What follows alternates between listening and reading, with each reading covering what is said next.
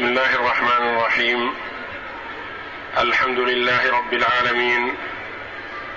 والصلاة والسلام على نبينا محمد وعلى آله وصحبه أجمعين. وبعد.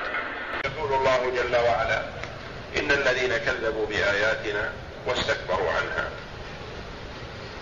لا تفتح لهم أبواب السماء ولا يدخلون الجنة حتى يلج الجمل في سم الخياط. وكذلك نجزي المجرمين.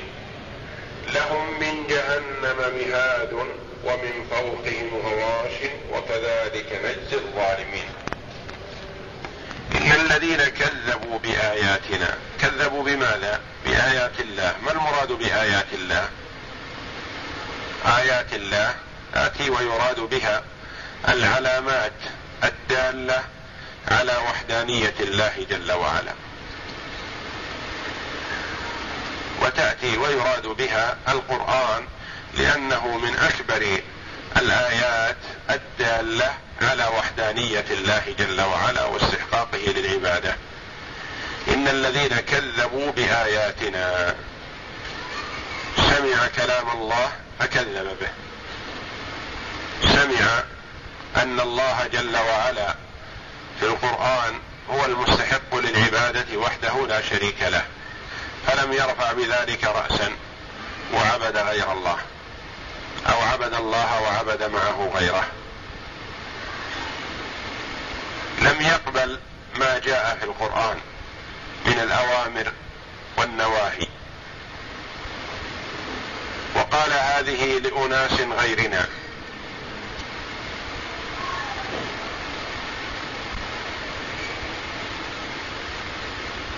هذه الأوامر والنواهي لا تصلح لهذا العصر الذي نحن فيه وإنما هي لعصور سابقة أو لمن تمسك بطريقة العصور السابقة.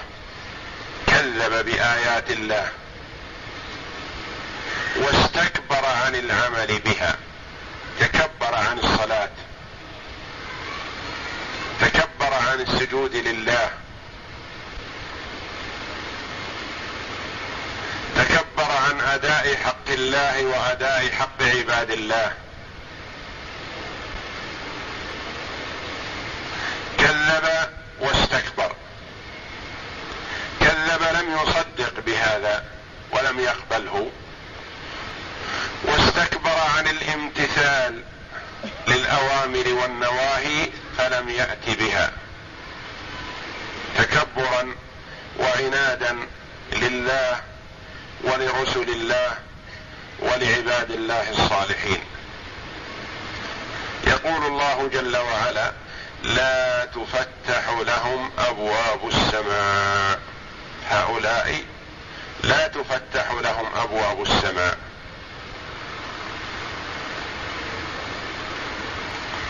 وهل المرء يدخل السماء في الدنيا؟ المؤمن يدخل السماء في الدنيا والكافر لا يدخل السماء ولا يفتح له؟ نعم.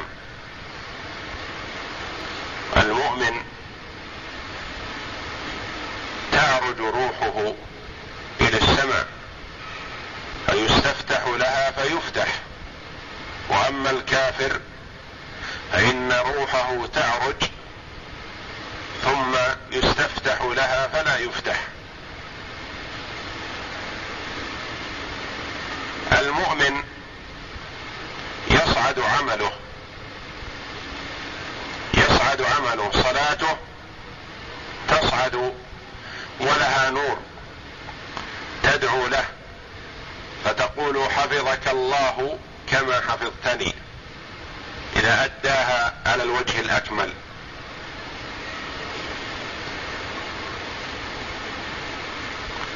والكافر لا يصعد له عمل إلى السماء.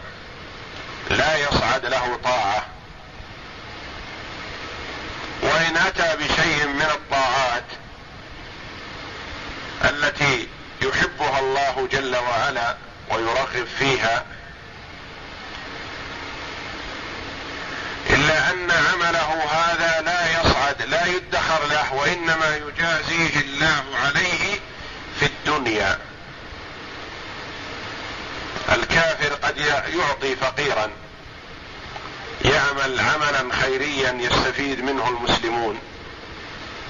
فالله جل وعلا يثيبه عليه في الدنيا ولا يرفع عمله هذا له ويحفظه ويدخره له في الدار الآخرة. فلا يصعد له عمل ولا تصعد روحه ولا ترقى. لا تفتح لهم أبواب السماء. اذا المؤمنون تفتح لأرواحهم أبواب السماء ويدخلونها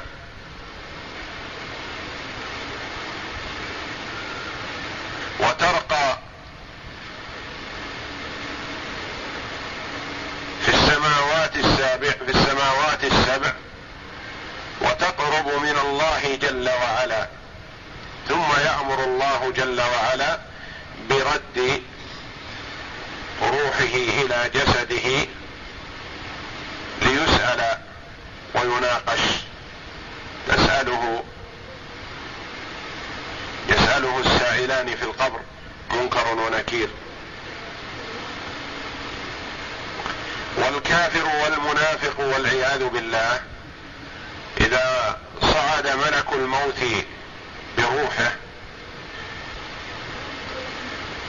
واستأذن لها بالفتح في السماء لا تفتح ولا تدخل.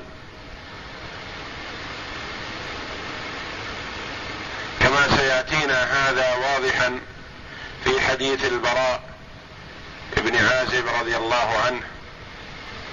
يقول إن النبي صلى الله عليه وسلم يقول ذهبنا في جنازة أحد من الأنصار واحد من الأنصار فجئنا فوجدنا القبر لم يلحد بعد. فجلسنا فجلس النبي صلى الله عليه وسلم وجلسنا حوله كأن على رؤوسنا الطير يعني من الهدوء والسكينة والتذلل بين يدي الله جل وعلا. وكان مع النبي صلى الله عليه وسلم عودا ينكت به الأرض. فقال لنا عليه الصلاة والسلام بعدما رفع رأسه إلى السماء استعيذوا بالله من عذاب القبر مرتين أو ثلاثا ثم بين صلى الله عليه وسلم حال المؤمن إذا جاءه ملك الموت لقبض روحه وحال الكافر إذا جاءه الموت ملك الموت لقبض روحه. واستشهد عليه الصلاة والسلام بهذه الآية بقوله جل وعلا لا تفتح لهم أبواب السماء أنها تغلق أبواب السماء دون روحه وترد إلى جسده دون أن تدخل السماوات. كما سيأتي هذا بعد قليل إن شاء الله في حديث البراء رضي الله عنه.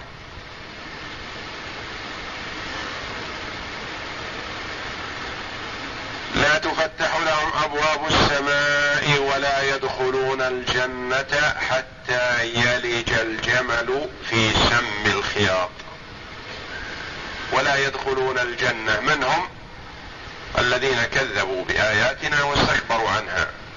لا يدخلون الجنة حتى يلج الجمل في سم الخياط. حتى يدخل الجمل في ثقب الإبرة. فإن دخل الجمل في ثقب الإبرة فهؤلاء يدخلون الجنة. ويستحيل أن يدخل الجمل والمراد بالجمل المعروف البعير الذي تعدى الرباع لأنه قبل يقال له قعود أو حاشي ونحو ذلك وإنما يقال للجمل الكبير من الإبل. يقال جمل وهو الذكر وعادة سنة الله في خلقه الذكر أكبر جسما الغالب من الأنثى حتى يلج الجمل في سم الخياط. يعني إن دخل الجمل في ثقب الإبرة سم الخياط السم هو الثقب. والخياط المراد بها الإبرة. حتى يدخل الجمل في ثقب الإبرة. فإن دخل الجمل في ثقب الإبرة فإن هؤلاء يدخلون الجنة. وهذا تعليق على مستحيل. يعني أنه يستحيل. في حق هؤلاء دخولهم الجنة لتكذيبهم واستكبارهم عن آيات الله وعن طاعته جل وعلا. ولا يدخلون الجنة حتى يلج بمعنى يدخل الجمل في سم الخياط. وكذلك نجزي المجرمين. هذا جزاؤهم لإجرامهم وتكذيبهم وطغيانهم. والله جل وعلا لم يظلمهم. ما ظلمهم الله جل وعلا شيئا. إن الله لا يظلم خلقه. وما ربك بظلام للعبيد. وإنما هم أجرموا وظلموا فاستحقوا هذا العذاب الأليم. وكذلك نجزي المجرمين. لهم من جهنم مهاد. المهاد هو الفراش. يقال مهد الصبي يعني فراشه الذي ينام فيه. لهم من جهنم مهاد يعني لهم من جهنم فراش. ومن فوقهم غواش غواش غاشيه يعني يغشاهم من فوقهم غطاء. يعني النار والعياذ بالله تأتيهم من تحتهم ومن فوقهم محيطة بهم. لهم من جهنم مهاد ومن فوقهم غواش. وكذلك نجزي وكذلك نجزي الظالمين. هذا جزاؤهم بسبب ظلمهم. من ظلموا ظلموا أنفسهم بكفرهم بآيات الله. والشرك والكفر بالله هو أشد أنواع الظلم. كما قال لقمان عليه السلام لابنه وهو يعظه حكى الله قص الله ذلك عنهم يا بني لا تشرك بالله إن الشرك لظلم عظيم. وأعظم أنواع الظلم أن تجعل لله ندا وهو خلقك. الخالق هو الله والرازق هو سبحانه وتعالى ثم يعبد غيره. فهذا بيان لحال المكذبين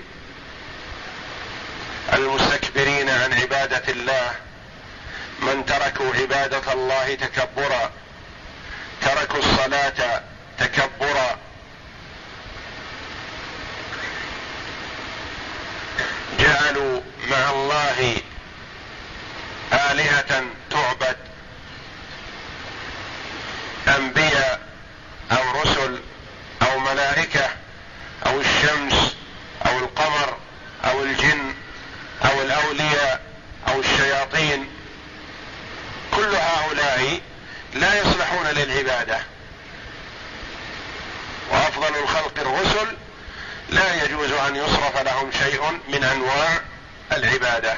فما بالك بغيرهم؟ فغيرهم من باب أولى.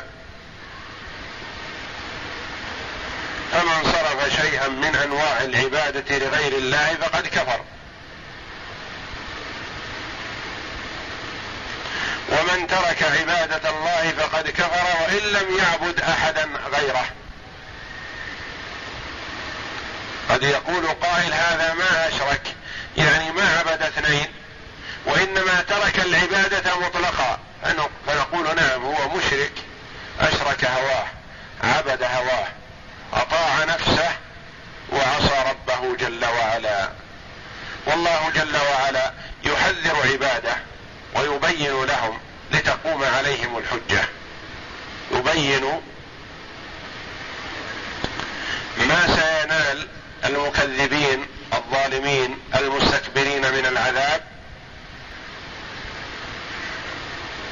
لعل امرأ يرجع إلى ربه ويتوب إليه ويندم على ما فرط منه.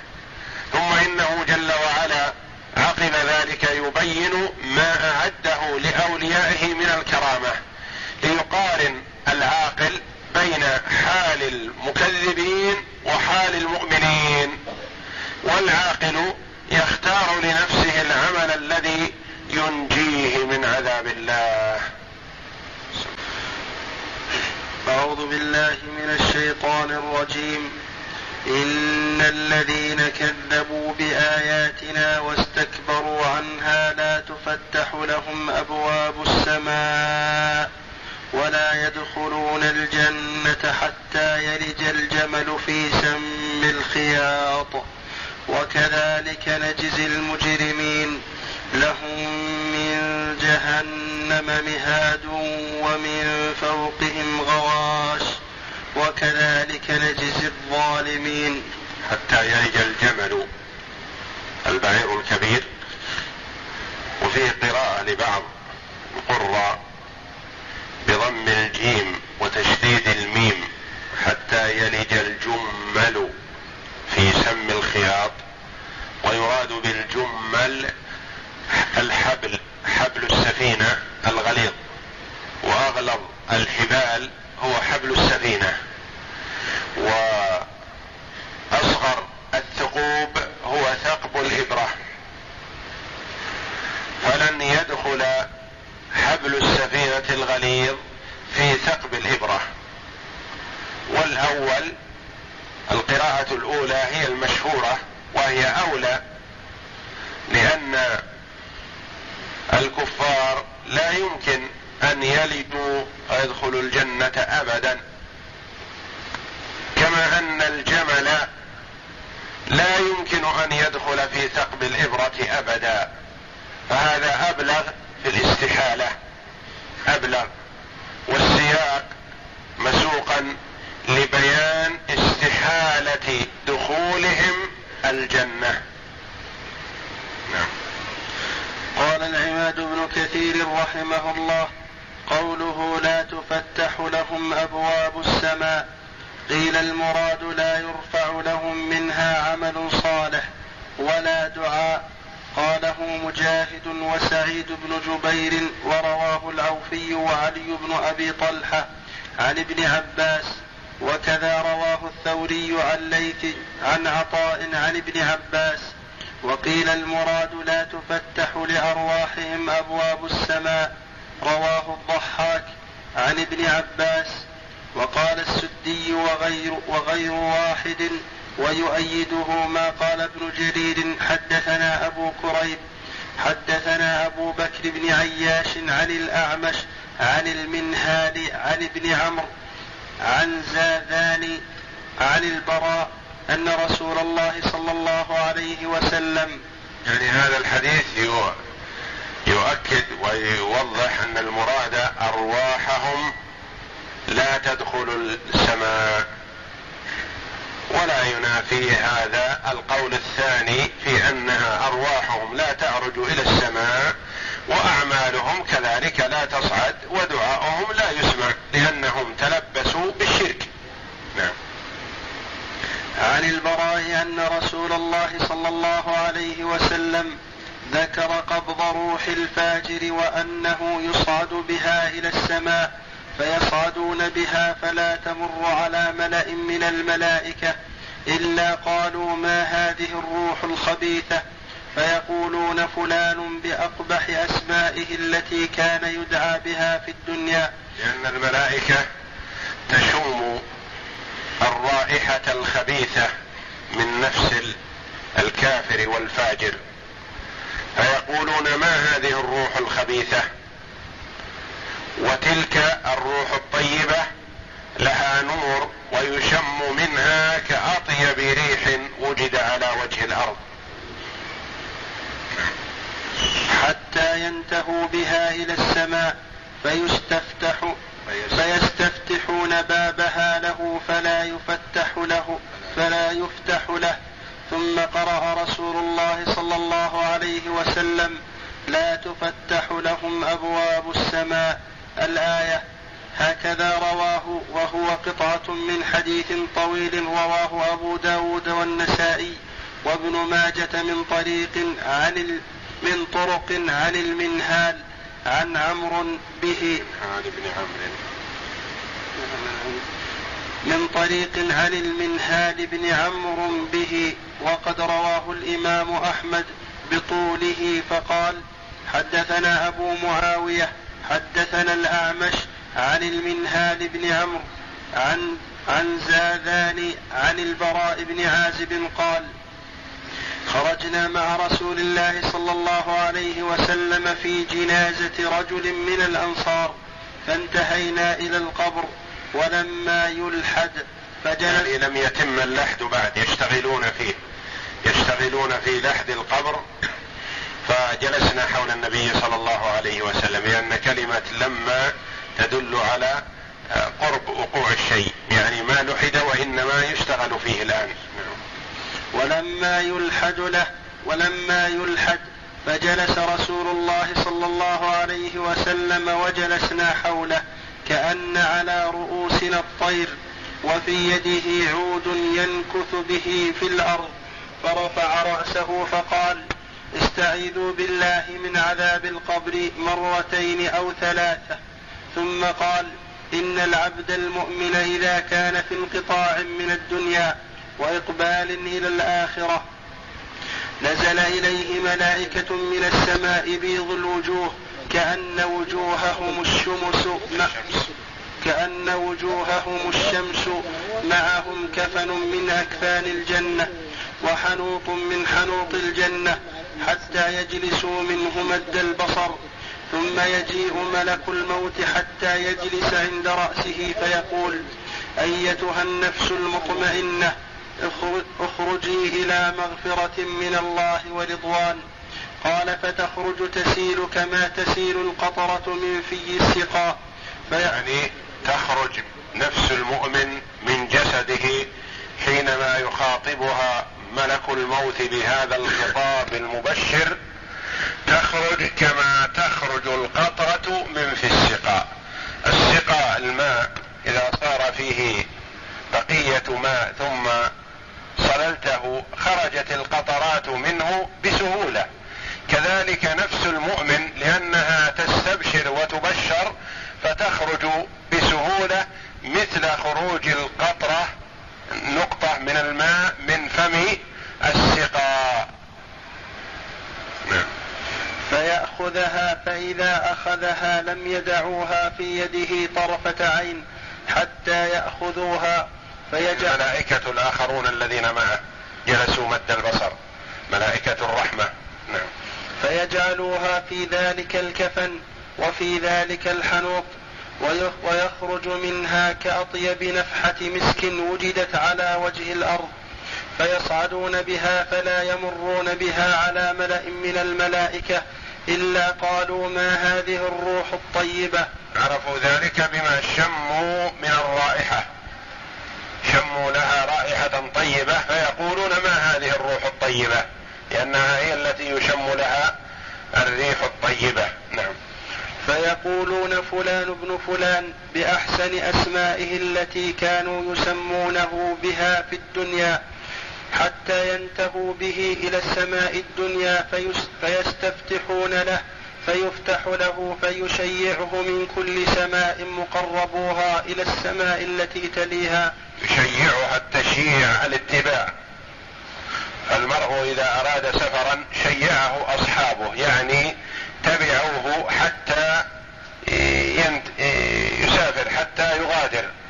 وكذلك هذه الروح إذا دخلت السماء الدنيا شيعها المقربون من أهل السماء الدنيا إلى ان يصلوا معها إلى السماء الثانية ويرجعون فيشيعها أهل السماء الثانية وهكذا ينتهى بها إلى السماء السابعة. فيقول الله عز وجل اكتبوا كتاب عبدي في عليين وأعيدوه إلى الأرض فإني منها خلقتهم وفيها أعيدهم ومنها أخرجهم تارة أخرى.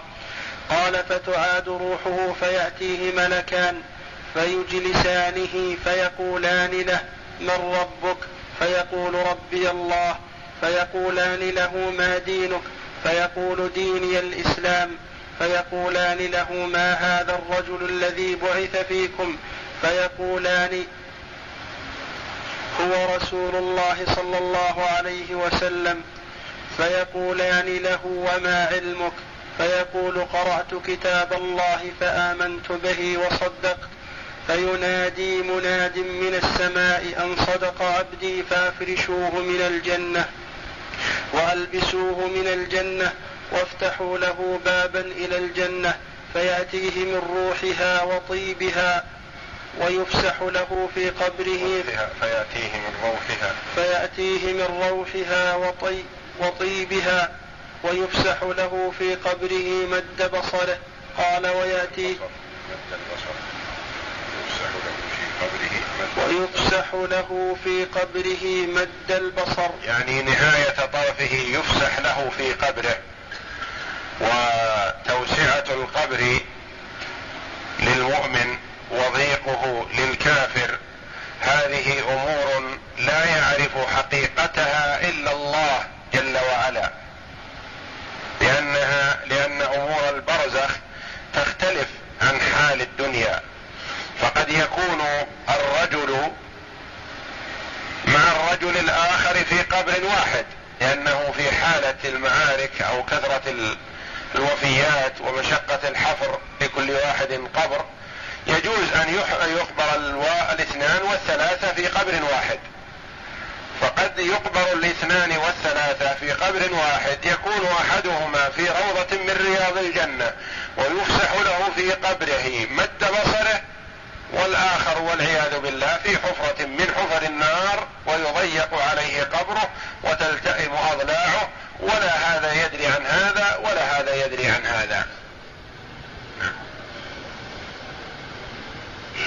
فلا يقال أين يفسح مثلا والقبور نشاهدها بجوار بعضها متلاصقة. هذا يفسح له في قبره وذاك يضيق عليه قبره وتلتئم فيه أضلاعه والعياذ ويأتيه رجل حسن الوجه حسن الثياب طيب الريح فيقول أبشر بالذي يسرك هذا يومك الذي كنت توعد. فيقول له من أنت؟ فوجهك الوجه يجيء بالخير. فيقول أنا عملك الصالح. فيقول الله جل وعلا عمل المرء الصالح أنيسا له في قبره. على أحسن صورة وأحسن هيئة. فيقول رب أقم الساعة رب أقم الساعة حتى أرجع إلى أهلي ومالي. قال وإن العبد الكافر إذا كان في انقطاع من الدنيا وإقبال إلى الآخرة نزل إليه من السماء ملائكة سود الوجوه معهم المسوح فيجلسون منه مد البصر. ثم يجيء ملك الموت حتى يجلس عند رأسه فيقول أيتها النفس الخبيثة اخرجي, اخرجي إلى سخط من الله وغضب. قال فتفرق في جسده فينتزعها كما ينتزع السفود من الصوف المبلول. ينتزعها كما ينتزع ينتزع السفود من الصوف المبلول. نفس الكافر والمنافق والفاجر والعياذ بالله يأتيها ملك الموت ويوبخها. أيتها النفس الخبيثة اخرجي إلى سخط الله وعذابه. فلا تخرج كما خرجت نفس المؤمن لأن نفس المؤمن استدعاها بالبشارة فخرجت. أما هذه وبخها ولامها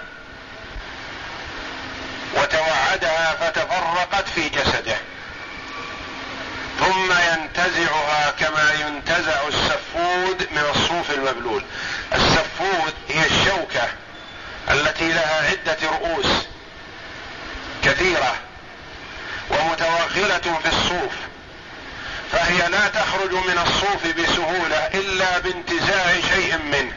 فما بالك اذا كان الصوف رطبا؟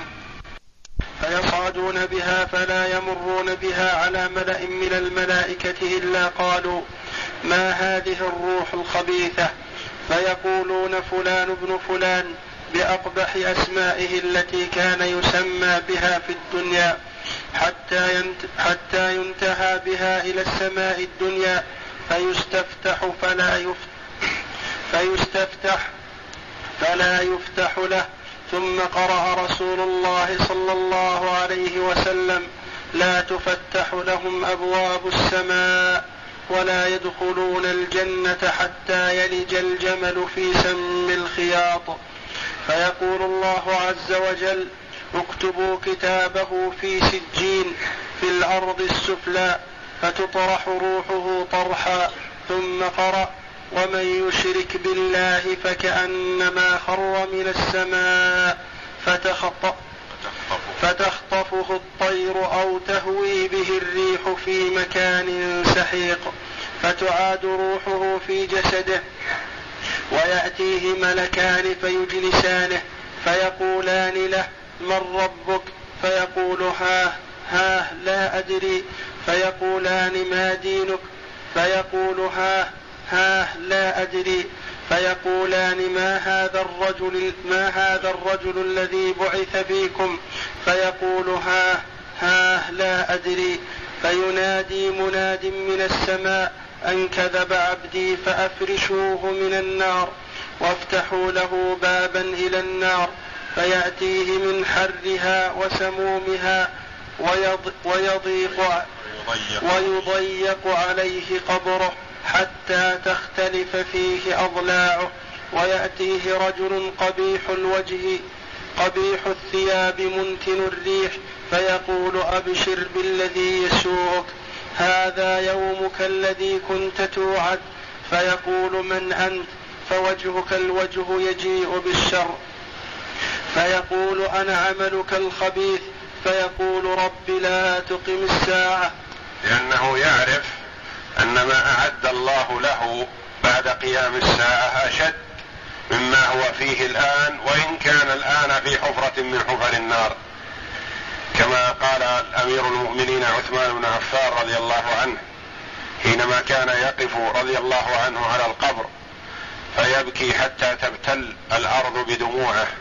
فقيل له يا أمير المؤمنين تذكر الجنة والنار ولا تبكي هذا البكاء وإذا وقفت على القبر بكيت. قال إن القبر أول منزل من منازل الآخرة. فإن كان خيرا فما بعده خير منه. الجنة. وإن كان شرا فما بعده شر منه. فهو المقدمة. وهو الذي يعرف المرء مآله إذا دخله. إذا دخل القبر. عرف أهو من أصحاب اليمين أم من أصحاب الشمال والعياذ بالله. نعم.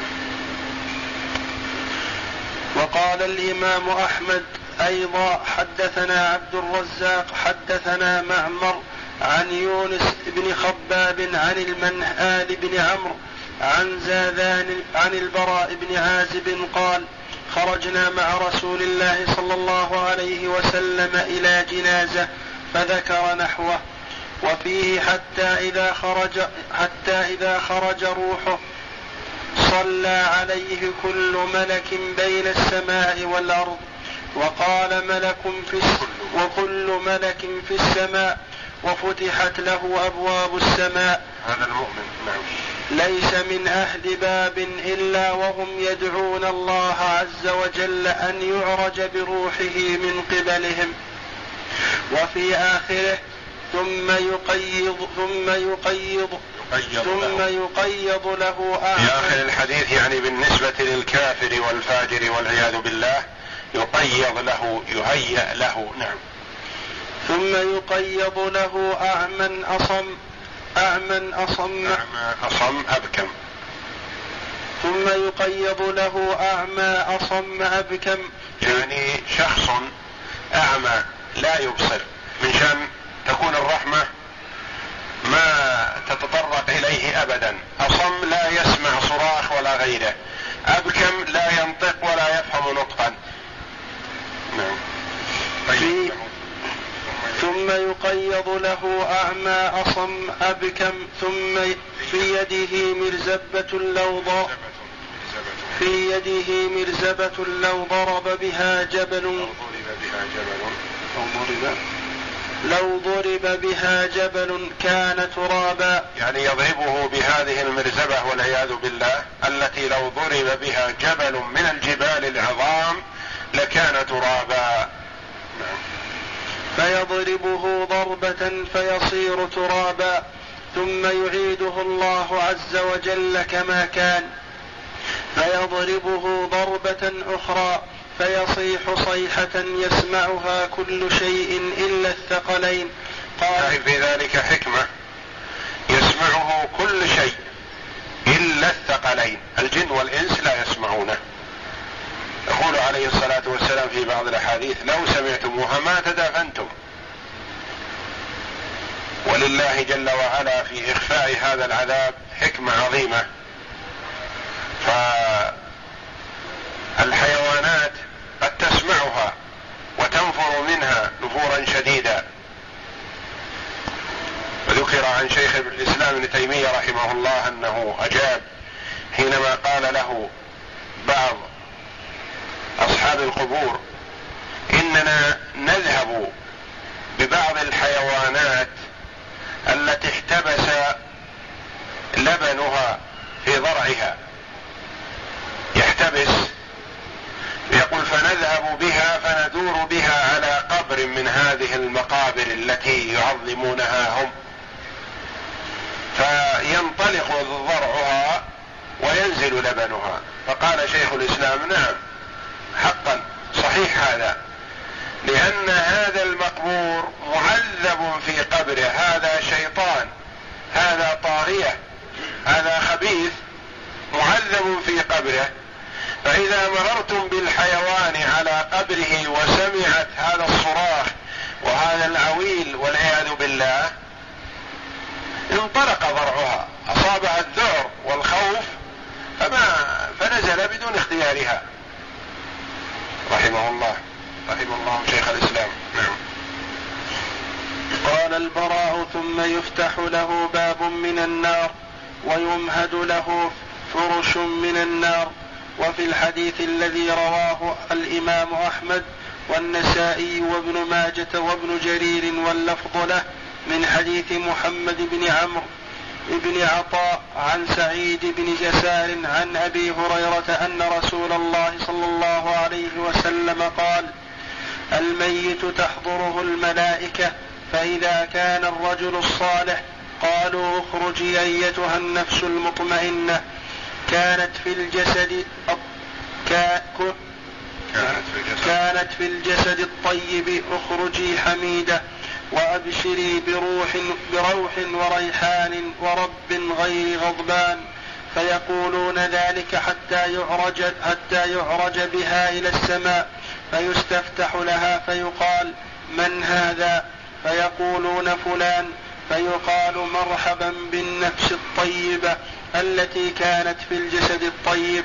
ادخلي حميدة وأبشري بروح وريحان ورب غير غضبان. فيقال لها ذلك حتى ينتهى بها إلى السماء التي في التي فيها الله عز وجل.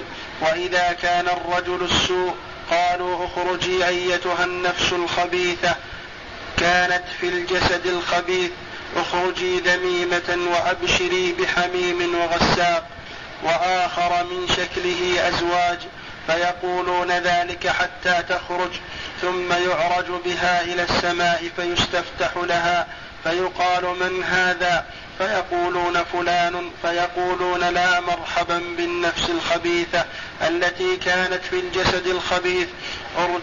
ارجعي ذميمة فإنه لم يفتح لك لم يفتح لك أبواب السماء فترسل بين السماء والأرض فتصير إلى القبر.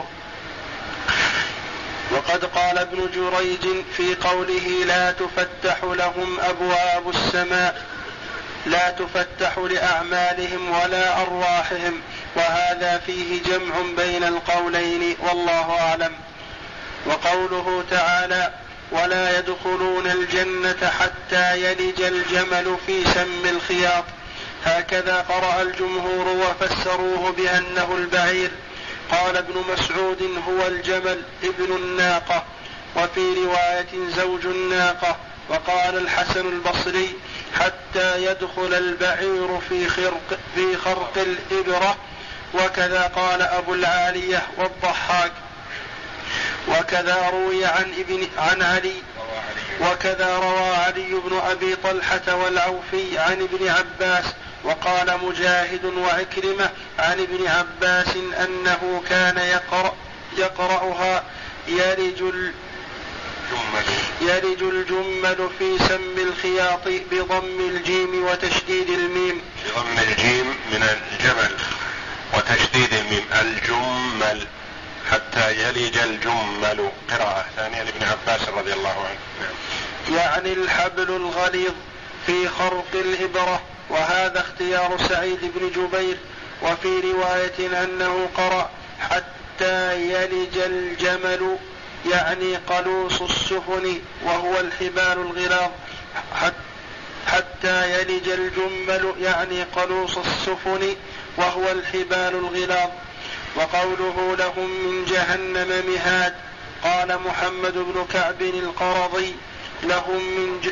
القرضي لهم من جهنم مهاد. قال الفرش. ومن فوقهم غواش. قال اللحف. وكذا قال الضحاك بن مزاحم والسدي وكذلك نجزي الظالمين.